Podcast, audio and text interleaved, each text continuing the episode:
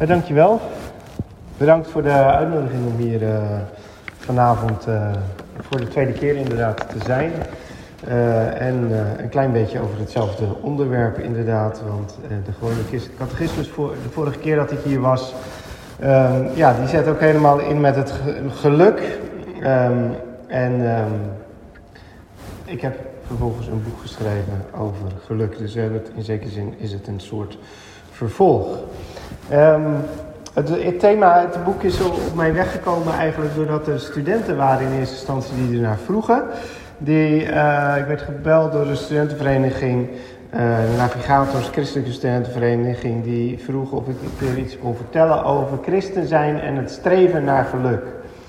Uh, als jonge mensen die volop zich aan het ontplooien zijn, zitten zij natuurlijk in een wereld waarin ze heel erg merken dat mensen daarnaar streven. Dat mensen streven naar hun persoonlijk geluk. En uh, dat, ze, uh, ja, dat, dat ze dat ook snel verbinden met carrière, met uh, materiële welvaart, met reizen inderdaad, met gezondheid en dat soort dingen.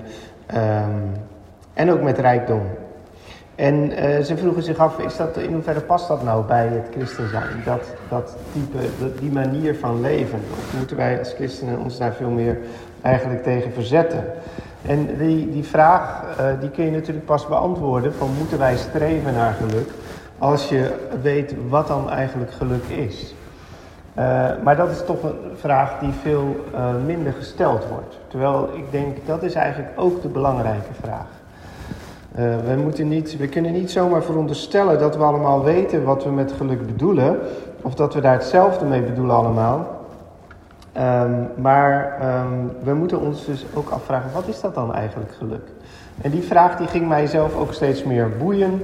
Ook inderdaad, omdat, omdat dat verlangen daarnaar, inderdaad denk ik, zoals Gert-Jan al zei, iets is wat alle mensen verbindt. Aristoteles, Griekse filosoof, Um, die uh, zei dat al.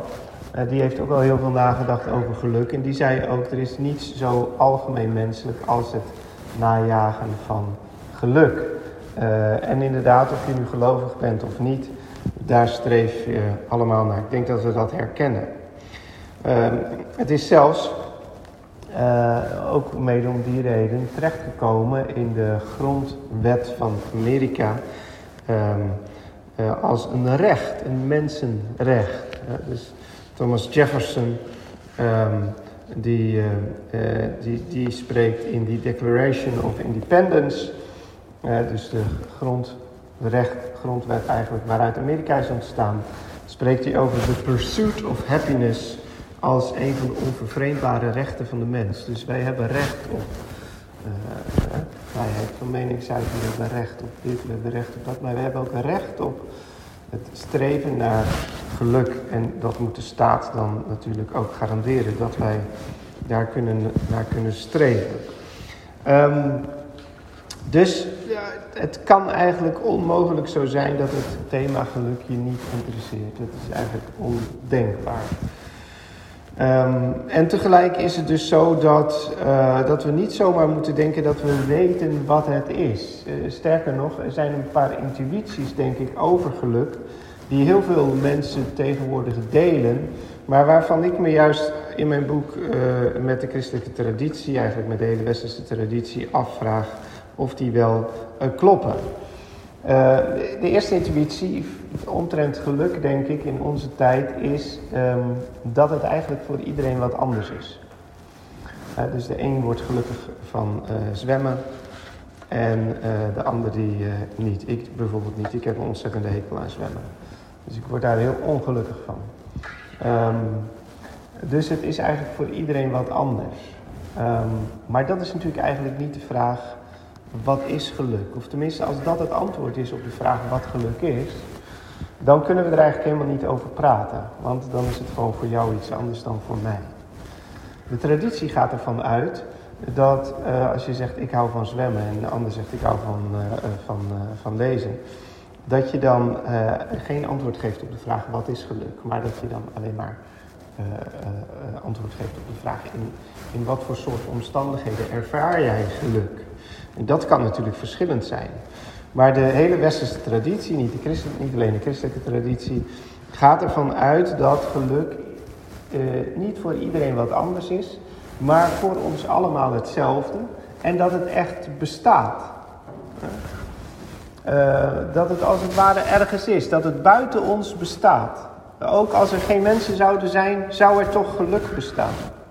Het, het is iets en het is ten diepste voor ons allemaal hetzelfde. Um, en daarom kun je er ook echt over praten. Wat is het dan? En hoe kom je er dan? Nou, dus die, dat is de eerste intuïtie. De tweede intuïtie die, die, ik dus kritisch bevraag. De tweede intuïtie die ik kritisch bevraag is um, het idee uh, dat, dat je geluk kunt bereiken. Dat, het, dat, je het, dat je zelf het geluk kunt verwerven. Ik denk dat is ook een heel belangrijke intuïtie in onze tijd. Uh, het geluk heb je zelf in de hand. Zo ja, daarom streven we er ook allemaal naar. Die pursuit of happiness, als dat een recht is, dat gaat ervan uit dat we het ook allemaal kunnen, kunnen bereiken. Zo voeden we onze kinderen ook op. Uh, je bent zelf verantwoordelijk voor je geluk. Het is er, maar je moet het wel zelf grijpen. Ik denk dat uh, iemand als Dirk de Wachter er vooral heel uh, goed de vinger bij legt dat um, dat, dat ons ook begint op te breken in deze tijd. Want als je uh, kinderen opvoedt met het idee dat ze zelf verantwoordelijk zijn voor hun geluk, dan zijn ze ook zelf verantwoordelijk voor hun ongeluk. En als je dan ongelukkig wordt, wat toch steeds weer mensen overkomt, dan verdubbel je dus eigenlijk dat ongeluk. Want je bent niet alleen ongelukkig, het is ook nog eens je eigen schuld. Want het geluk lag binnen jouw handbereik. Je had het kunnen bereiken. Uh, dus ons ongeluk wordt dan ook nog eens onze schuld. En dan eindig je natuurlijk bij de psychiater, bij Dirk de Wachter in de wachtkamer. En hij ziet al die mensen, ziet hij dus binnenkomen, die in die zin ongelukkig zijn geworden door onze jachtig streven naar geluk, wat maar niet lukt. Dick de Wachter heeft daar een heel radicale oplossing voor. En die zegt uiteindelijk inderdaad, um, je moet maar leren leven met je ongeluk. En dat moeten wij opnieuw leren. Wij moeten opnieuw, we moeten westerse mensen moeten opnieuw beseffen dat het leven niet kan zonder pijn en lijden en ongeluk. En daarom heet een van zijn boekjes De kunst van het ongelukkig zijn. Volgens hem gaat het daar veel meer om. Wij zijn nu eenmaal ongelukkig. Maar daar kun je je in oefenen. Op een goede manier ongelukkig te zijn. Um, en daar, daar kunnen we elkaar bij helpen. Daar kan een psycholoog, een psychiater bij helpen. Die helpt je dus niet om gelukkig te worden. Die helpt je eigenlijk om op een gezonde manier je ongeluk onder ogen te zien.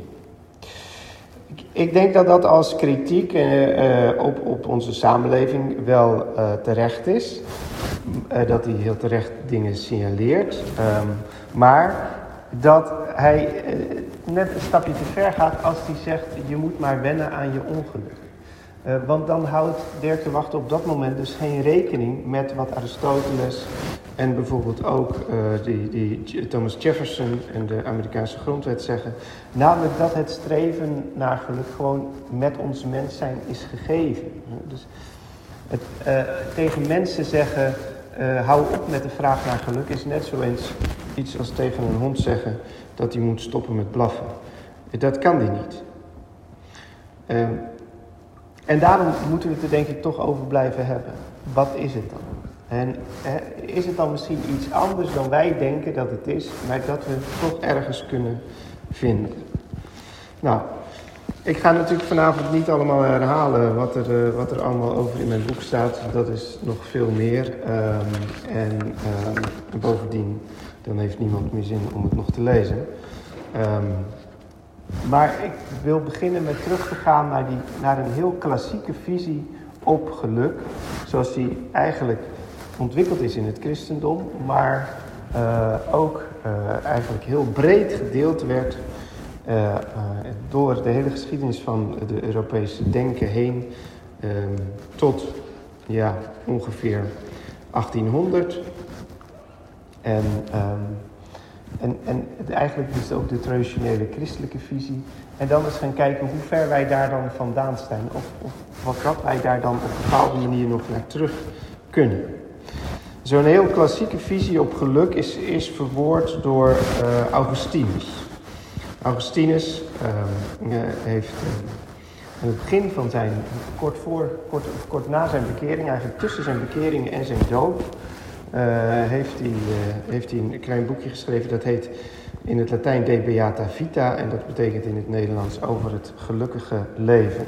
Ook alleen daaraan zie je al dat het een vraag is die alle eeuwen door bediscussieerd is.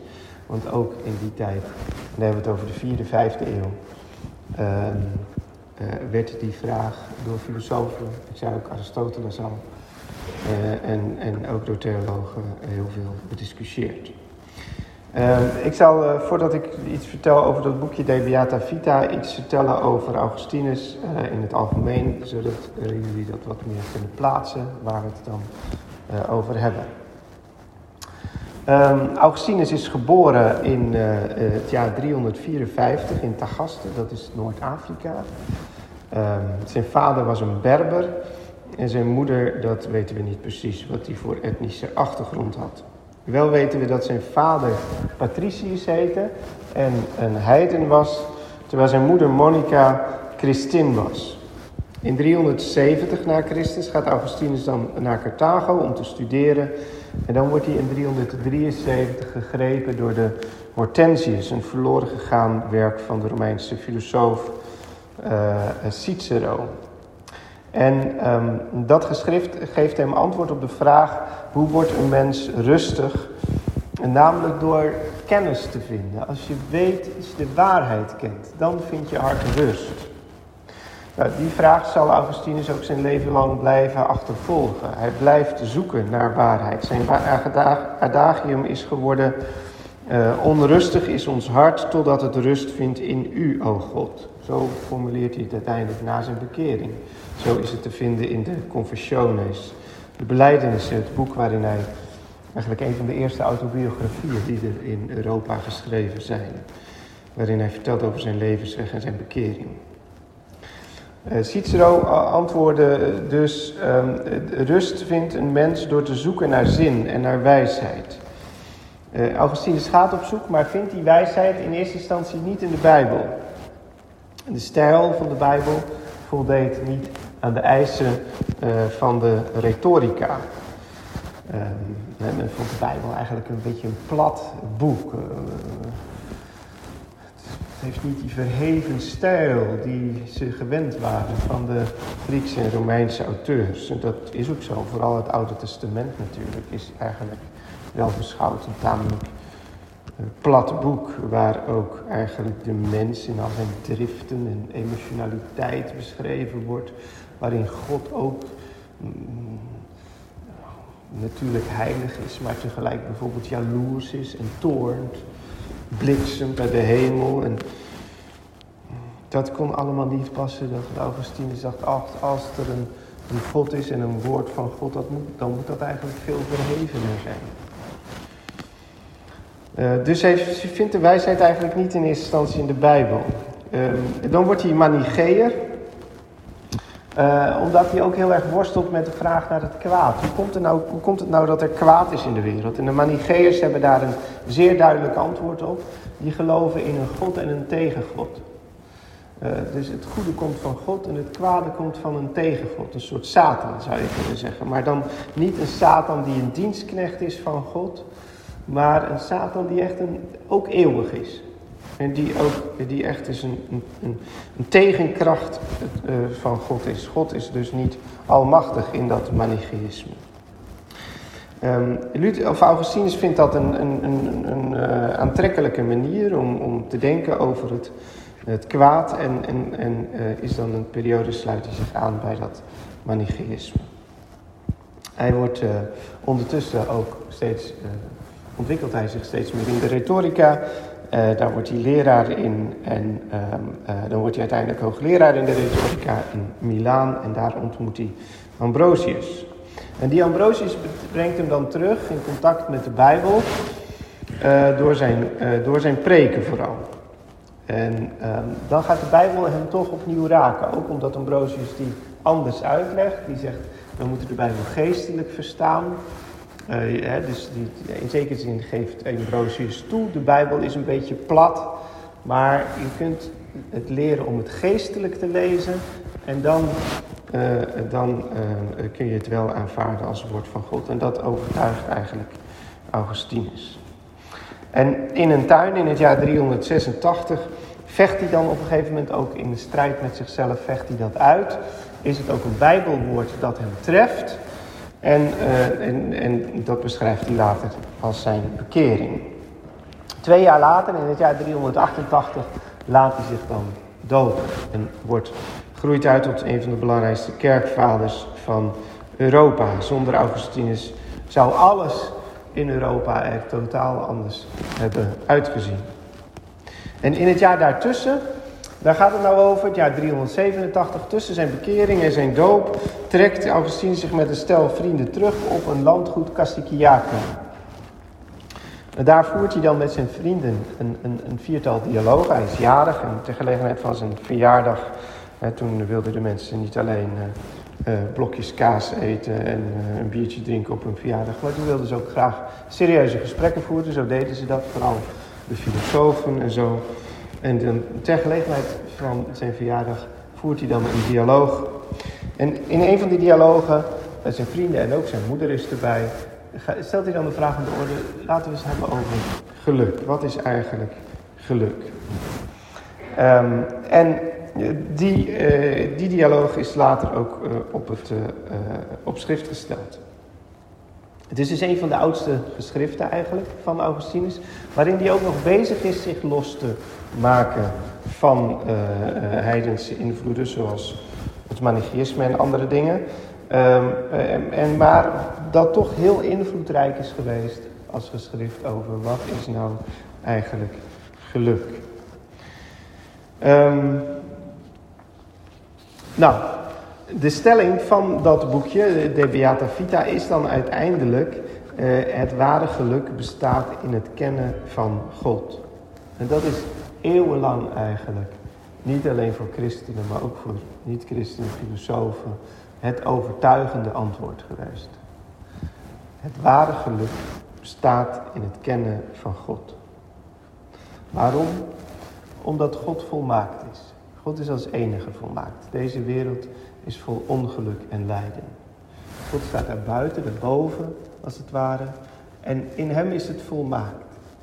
De volmaaktheid, gelukzaligheid, gelukkig zijn dus, is ook zelfs in de klassieke theologie en ook bij de Griekse filosofen een eigenschap van God. We kennen het allemaal natuurlijk, eigenschappen van God. Uh, God is almachtig, hij is heilig, hij is liefdevol enzovoorts. Maar de klassieke theologie heeft ook altijd gezegd: God is volmaakt gelukkig. Want alles waar wij in deze wereld last van hebben, al het lijden, al het kwaad, dat is bij hem afwezig. En eh, wij mensen kunnen dus alleen gelukkig zijn door, als het ware, ons te verbinden aan die plek waar het volmaakt gelukkig is. En dat doen we met onze kennis. Wij, wij kunnen onszelf natuurlijk niet aan onze, haren, aan onze haren uit de wereld trekken. We zitten in de wereld. Maar, zegt de klassieke manier van denken dan, dat zitten we vooral met ons lichaam. Met ons lichaam zijn we aan deze wereld gebonden. We kunnen ons niet daaruit bevrijden. Maar onze geest is vrij. We kunnen met onze geest richting allerlei donkere en, en, en sombere en slechte dingen gaan. Maar we kunnen ook met onze geest die vrij is, ons richten op God. En dan ken je de volmaakte gelukzaligheid. En voor zover je die kent, ben je dan zelf ook gelukkig. Dat is uiteindelijk het antwoord wat Augustinus geeft. En uh, waarin hij nog heel erg kan aansluiten bij ook uh, wat, wat niet-christenen ook allemaal in die cultuur dachten. Ik heb al gezegd, Cicero, Romeinse filosoof, geen christen, zei: Hoe vind je rust? Door kennis, door wijsheid. Zo zegt Augustinus ook hier, aansluitend bij Cicero, het ware geluk bestaat in kennis dus, in wijsheid. Hij die wijs is, is gelukkig. Hij die de werkelijkheid doorziet, die de dingen op een rij krijgt in zijn hoofd, die de dingen verklaren kan, die is gelukkig. Hij sluit daar dus, kan daar dus gewoon aansluiten bij een autoriteit, niet-christelijke autoriteit als Cicero. Het betekent dus ook, uh, het betekent dus dat, August, dat Augustinus zegt, geluk heeft in de eerste plaats te maken met de ratio, met het kennen. Um, en dat betekent voor hem ook dat emotie en drift uh, eerder negatief worden gezien. En bij geluk hoort dus ook zelfbeheersing. Het geluk zit dus niet in je lichaam, want dat is aan de aarde gebonden. Het zit ook niet in je emotie en driften, want die zijn wisselend, wispelturig. Daar kunnen we geen vastheid in vinden. Um, bij geluk hoort juist dat je je lichaam en je driften beheerst. En dat je met je ratio probeert te leven. Ook dat idee vind je gewoon ook bij niet-christelijke auteurs. Zoals Democritus bijvoorbeeld. En het derde wat dan opvalt in die definitie, het ware geluk bestaat in het kennen van God, is dat het dus uiteindelijk niet zomaar het kennen is, maar het kennen van God. Het kennen van de wereld levert geen geluk op, want de wereld is veranderlijk en kwaad. Um, maar als we God kennen, dan zijn we gelukkig. En ook dat is een idee waarin Augustinus helemaal niet alleen stond. Ook buiten het christendom, want het christendom is dan nog helemaal in ontwikkeling. Hè? Het, is, het is nog niet de dominante religie of zo. Uh, het is dus ook heel belangrijk, maar het is ook heel. Daarom kon het christendom ook geaccepteerd worden, omdat het in al die delen ook mee kon gaan met niet-christelijke auteurs. En ook Plotinus, een heel belangrijke uh, Griekse filosoof uh, die, in die tijd, Um, die zegt, schrijft ook, gelukkig zijn is het aanschouwen en het één worden met het ene. En het ene is daar dan de filosofische naam voor God.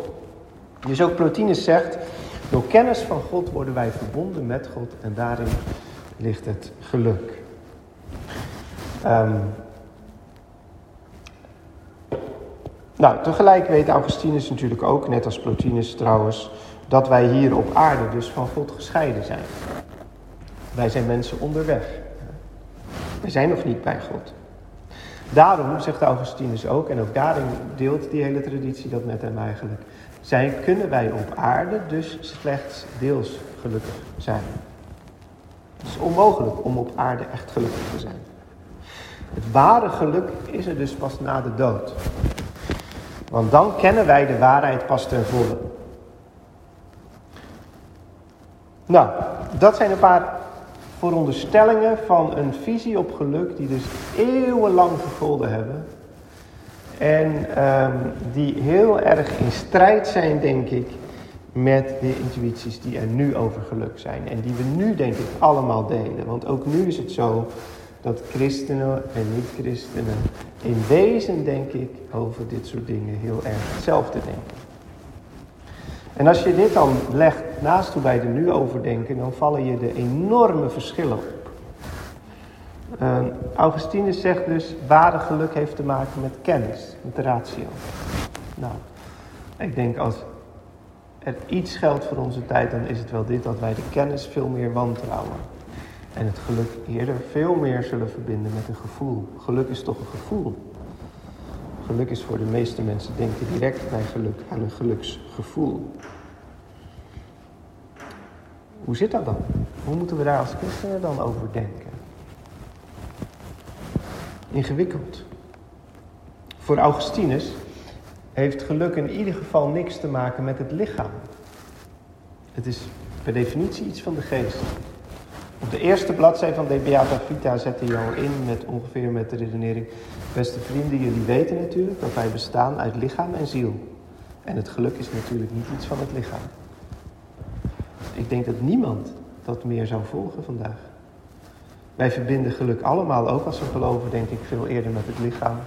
Mensen denken aan lekker eten, aan seksualiteit, aan een ontspannen lichaam, aan een sportief lichaam. Daarom sporten we zo graag, daarom willen we het zo lang mogelijk gezond houden, ook als we ouder worden. Geluk is denk ik voor het eerst, in de eerste plaats iets van ons lichaam. Het is dus heel anders dan, dan christenen eeuwenlang gedacht hebben. Wat moeten we daar nou eigenlijk mee? Augustinus zegt ook, het echte geluk is voor na de dood. Echt gelukkig kun je op aarde gewoon niet zijn. Echte geluk is er pas na de dood. En daarom is het zo belangrijk om het leven als een reis te zien. Die pas na de dood voltooid wordt. Ook dat is denk ik een intuïtie die, die we heel weinig meer delen. Misschien nog wel beleiden, hè, als we naar vragen. Dan zullen we niet zo gauw ontkennen dat er een eeuwig leven is. Maar ehm, als het over geluk gaat, denken we denk ik toch ook als gelovigen meteen aan het leven hier op aarde. Als ik hier niet gelukkig ben, ja, wat koop ik voor de eeuwigheid? Ik wil nu gelukkig zijn. Um, nou, dat is dus eigenlijk best heel ingewikkeld om je dan inderdaad goed te verhouden daartoe. Ik denk, wij kunnen, wij kunnen uh, niet ontkennen dat, wij, dat de veronderstellingen in onze tijd heel anders zijn dan in de tijd van Augustinus. Um, we kunnen ons daar ook niet zomaar om onttrekken. Dus wat ik in mijn boek ook deels doe, is me afvragen van wat kunnen wij nu van die huidige intuïties meenemen en wat eigenlijk uh, niet. Nou, en dan maak ik een onderscheid tussen genot, geluk en zaligheid. Dat is eigenlijk al iets wat uh, de, de, Grieken hadden daar ook, ook drie verschillende woorden voor. Uh, maar dat is toch een onderscheid wat lang niet altijd al gemaakt wordt, denk ik. Um, en ik denk eigenlijk dat uh, dat heeft de traditie, het, het, klassieke christendom, zoals bijvoorbeeld Augustinus, maar ook breder de westerse traditie, had dus de neiging om geluk te identificeren met zaligheid. Ze zeggen, geluk is eigenlijk zaligheid en zaligheid is er pas na de dood. Omgekeerd heeft onze tijd veel meer, de, is veel meer geneigd om geluk te identificeren met genot. Als mensen zeggen, geluk zeggen, bedoelen ze eigenlijk genot. Genot wil zeggen, ja, genietingen hebben altijd de basis in het lichaam en in zintuigen. Iets dat mooi is om te zien of lekker om te proeven. Zoals inderdaad lekker eten of seksualiteit. Of een fijne vakantie of een lekker gemasseerd lichaam. Dat is genot. En nou zeg ik eigenlijk in mijn boek van, volgens mij raken we dan in beide gevallen het geluk kwijt. Als je zegt geluk is eigenlijk zaligheid, dan raak je het geluk kwijt als iets zelfstandigs. Als je zegt geluk is eigenlijk genot, raak je het ook kwijt. Dan bestaan er eigenlijk alleen genot en zaligheid. Terwijl ik ben juist op zoek naar het geluk. Als iets dat niet samenvalt met de genietingen. Maar ook dat er niet is pas na de dood. Ik herken dus heel veel in die moderne kritiek als het ware op die klassieke positie. Uh, voor mij is het ook zo dat als ik aan geluk denk, ik eigenlijk zoek naar aards geluk. Ik vind ook dat de christelijke traditie het geluk te veel verschoven heeft naar de hemel. Ik vind ook dat je niet tegen iemand die ongelukkig moet zijn, moet zeggen: wacht maar tot je dood bent, dan zul je wel gelukkig zijn. Nee, onze vraag naar aards geluk is heel terecht. Ik denk ook dat de christelijke traditie in dat opzicht zich te veel uh, heeft gericht alleen maar op het Nieuwe Testament en te weinig op het Oude Testament.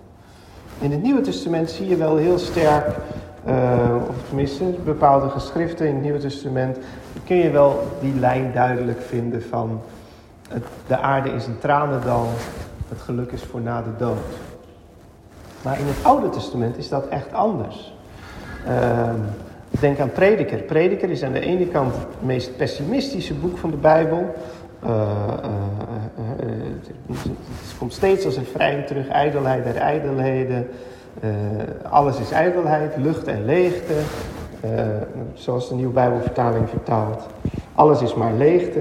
Maar tegelijk staat bij Prediker geniet van het leven met de vrouw die je lief hebt. En het licht is goed. En het is heerlijk voor de ogen om de zon te aanschouwen. Dan heeft hij het gewoon over de ervaring van een mooie zomerdag. En een vrouw en een maaltijd. En dan zegt hij, dat is het. Uh, dus aards geluk krijgt daar uh, wel echt een, een, plek. Denk aan de beschrijving van het paradijs, zoals die in zekere zin terugkeert in het hele boekje Hooglied. Die man en vrouw in het boekje Hooglied, die zitten niet samen te mediteren over de hemel. Maar die genieten van elkaar, ook van elkaars lichaam. En daarin zijn ze gelukkig. Um, dus ik denk eigenlijk dat die moderne kritiek die zegt, de, Augustinus, het christendom verbindt geluk veel te veel eenzijdig met eeuwigheid en met het hoofd, dat die eigenlijk wel een punt heeft.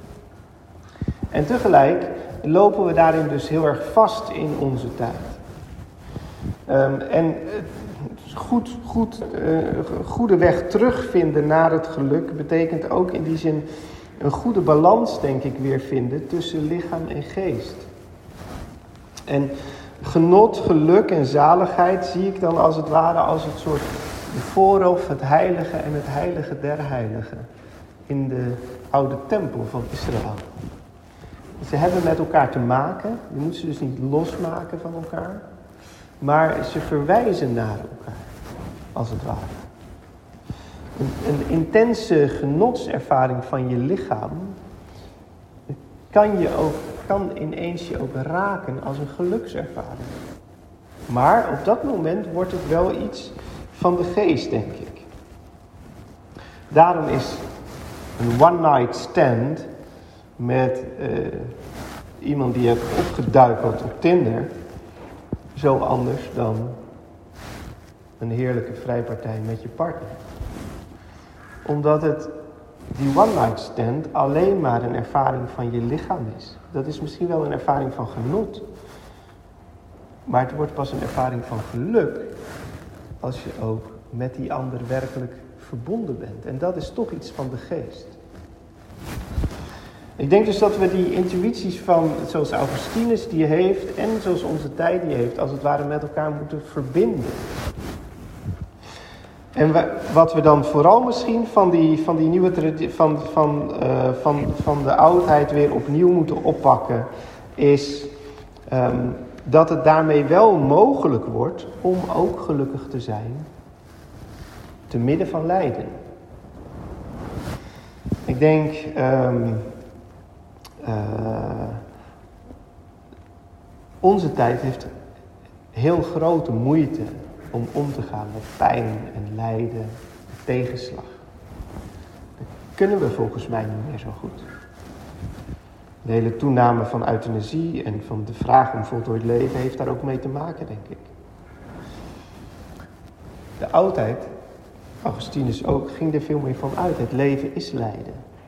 En toch kun je daarin gelukkig zijn. Namelijk als je God kent. En dat is natuurlijk een enorme kracht. Als je zegt, gelukkig, gelukkig ben ik niet pas als al het lijden en kwaad weg is, maar ik kan ook te midden van al het ongeluk gelukkig zijn.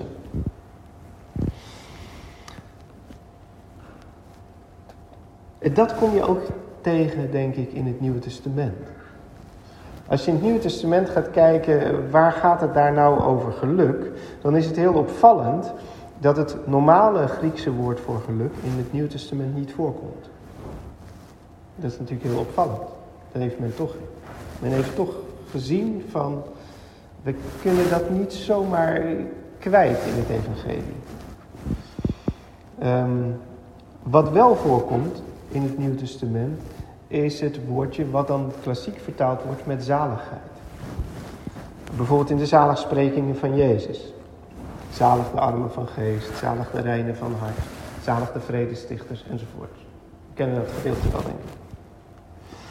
Um, Jezus gebruikt daar een woord, makaria, wat de Griekse filosofen gebruikten voor het geluk na de dood. Voor de zaligheid dus. Blijkbaar heeft Matthäus gedacht, ik moet toch dat woord gebruiken. Jezus sprak natuurlijk helemaal geen Grieks, Jezus sprak Aramees. Matthäus heeft het opgeschreven. Matthäus heeft gekozen toch voor dat woord zaligheid en niet voor het woord geluk. Nou zie je in nieuwe Bijbelvertalingen, bijvoorbeeld in de Nieuwe Bijbelvertaling en in de Bijbel in gewone taal, dan wordt het wel vertaald met geluk. Dus in die nieuwe vertalingen zegt Jezus niet meer zalig de armen van geest, maar zegt Jezus gelukkig de armen van geest. Dat is een heel duidelijk signaal, denk ik, dat wij eigenlijk niet meer zoveel met zaligheid kunnen en met eeuwigheid. En dat wij het hier aards willen hebben. Is dat nou verkeerd? Het is in die zin wel verkeerd dat het gewone Griekse woord voor geluk heel bewust dus door Matthäus niet gebruikt werd. Dat kende hij wel, dat kiest hij niet. Zover is het misverstandwekkend om dan toch te vertalen gelukkig de armen van geest. Maar aan de andere kant, als we die uitspraken van Jezus nou gaan lezen en gaan denken, wat bedoelt hij nou? Als hij zegt, zalig de armen van geest, zalig de reinen van hart. Bedoelt Jezus dan ehm, nou stil maar, wacht maar, na jullie dood worden jullie wel gelukkig? Nee, dat bedoelt Jezus helemaal niet. Jezus bedoelt wel degelijk die mensen iets te geven op dat moment dat ze naar hem luisteren, in hun aardse bestaan. Jezus bedoelt in die zin wel degelijk aards geluk. Iets wat die mensen kunnen ervaren op het moment dat ze zijn woord horen en aannemen. Maar tegelijk zegt hij niet, dat betekent dat ik jullie weghaal bij jullie ellende. Hij zegt niet, uh, zalig de armen, want ik maak jullie rijk. Nee. Hij zegt ook niet, zalig de armen, want jullie zullen in de hemel rijk zijn. Nee. Volgens mij bedoelt hij zoiets als, zalig zijn jullie armen, jullie blijven arm, maar als je mij kent, ben je op een andere manier, nu al, voor de dood, gelukkig. En daarmee doet Jezus denk ik iets wat wij nog steeds heel erg nodig hebben. Een plek zoeken, een ervaring zoeken, waarvan je zegt van nou, eh, eh, ik, ik hoef inderdaad niet, ehm, niet te streven alleen maar naar geluk. Ik hoef niet te streven naar een soort paradijs waarin alles goed is. Er zullen dingen in mijn leven blijven die niet goed zijn. Ehm, maar ehm, het, het geluk is de ervaring dat het toch goed is. Ondanks alles wat niet goed is. Dat is volgens mij de christelijke definitie van geluk. De ervaring dat het leven goed is, ondanks alles wat er niet goed is. En dat geluk, daarvan kun je dan vervolgens afvragen, is dat nou een, ja, is dat nou, kun je dat nou zijn dan? Hè? Kun je dat nou zijn? Duur, kun je dat nou dat is ook een onderscheid wat je kunt maken. Is, is geluk nou iets van duur, van wat er dan altijd is? Of is dat toch veel meer iets van een moment eigenlijk? Van soms? Nou, ik denk zelf eigenlijk, als het die ervaring is uh, van het leven is goed, ondanks alles wat er niet goed is, dan is het toch eigenlijk een moment. Het is dat moment waarop je dat te binnen valt dat kun je toch eigenlijk niet altijd bijleggen. Want op het moment dat je je weer richt op de omstandigheden, zie je dus ook alles weer wat er niet goed is. Ehm, maar er zijn momenten van, die, die je eigenlijk niet uit jezelf haalt, maar die je, die je opdoet in ontmoeting met andere mensen of de ontmoeting met God, waarin je overvalt en toch is het goed. Er is een mooi gedicht over van Elisabeth Eibers, wat ik in mijn boek ook bespreek. Dat is in het Zuid-Afrikaans, maar uh, het is een beetje moeilijk uit te spreken, maar ik zal het toch proberen. Ik hoop dat het een beetje te, vertalen, te, te, te verstaan is en te begrijpen is. Elisabeth Eibers was een, uh, een dichteres, een Zuid-Afrikaanse dichteres die in Amsterdam ging wonen, maar die in haar moedertaal het Zuid-Afrikaans bleef schrijven. En die uh, ook de hoogste Nederlandse literaire prijs voor haar werk heeft gekregen. Een aantal jaren geleden gestorven, meen ik. Het heet Geluk. En zij schrijft jaren geleden, dit maakt niet zaak wanneer, bij mijn eerste ontmoeting, dit maakt niet zaak met wie, het ons mekaar op een tijdstip los van tijd, stip aangekijk, gekijk. Soms flitst dit weer in mijn bewustzijn terug, verblindend scherp, een pijl van louter licht, bewijs en waarborg van ik weet niet wat.